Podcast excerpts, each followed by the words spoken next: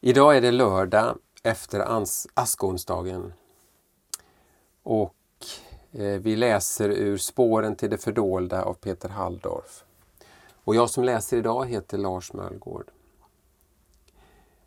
Rubriken för dagens betraktelse är Gud vet.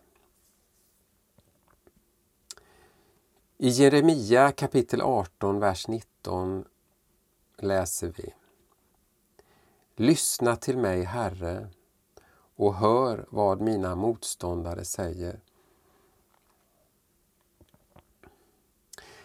Profeten Jeremia är en överlevare.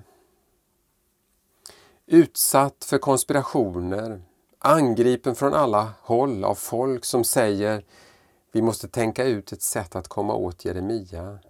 Vi smutskastar honom så behöver vi inte tänka på vad han säger. Där tar han sin tillflykt till bönen. Att be blir profetens överlevnadsteknik i kaotiska tider. Och Jeremia vet tillräckligt om Gud för att inte hålla tillbaka en enda av sina känslor. Även om vi ryggar inför hans språk, när han ångrar att han tidigare bad för dem som nu gjort upp mordplaner mot honom. I den fjärde av Jeremias så kallade bekännelser rids han av sin vrede. Men han kräver inga favörer för egen del. Allt han begär är rättvisa.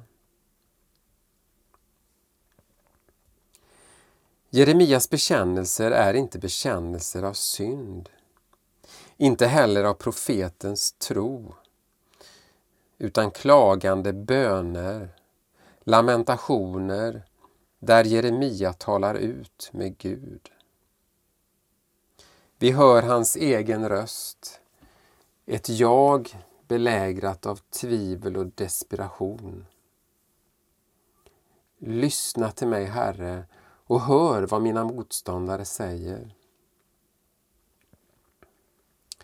Profetens relation till Gud balanserar på en brytpunkt.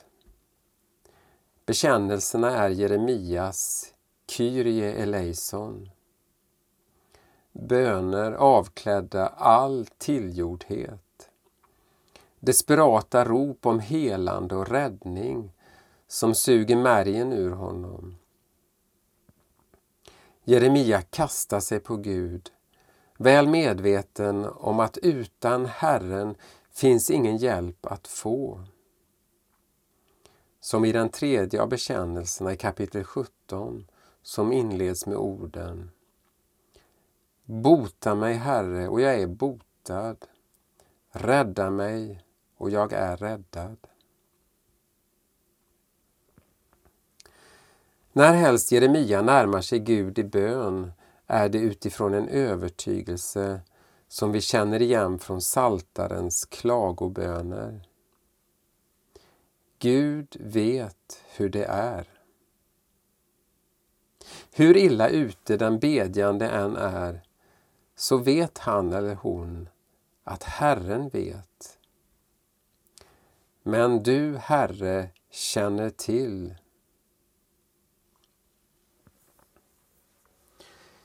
Jeremias böner utgör i sig en trosbekännelse.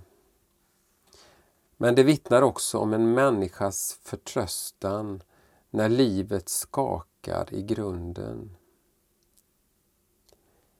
Gud vet.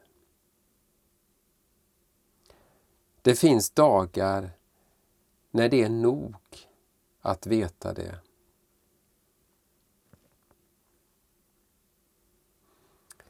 Låt oss be. Befrielsens Gud, sänd din helige Ande i mitt hjärta under denna fastetid. Så att jag kan påbörja vandringen ut ur mina trånga cirklar till det som är jag i andra och andra i mig. Amen.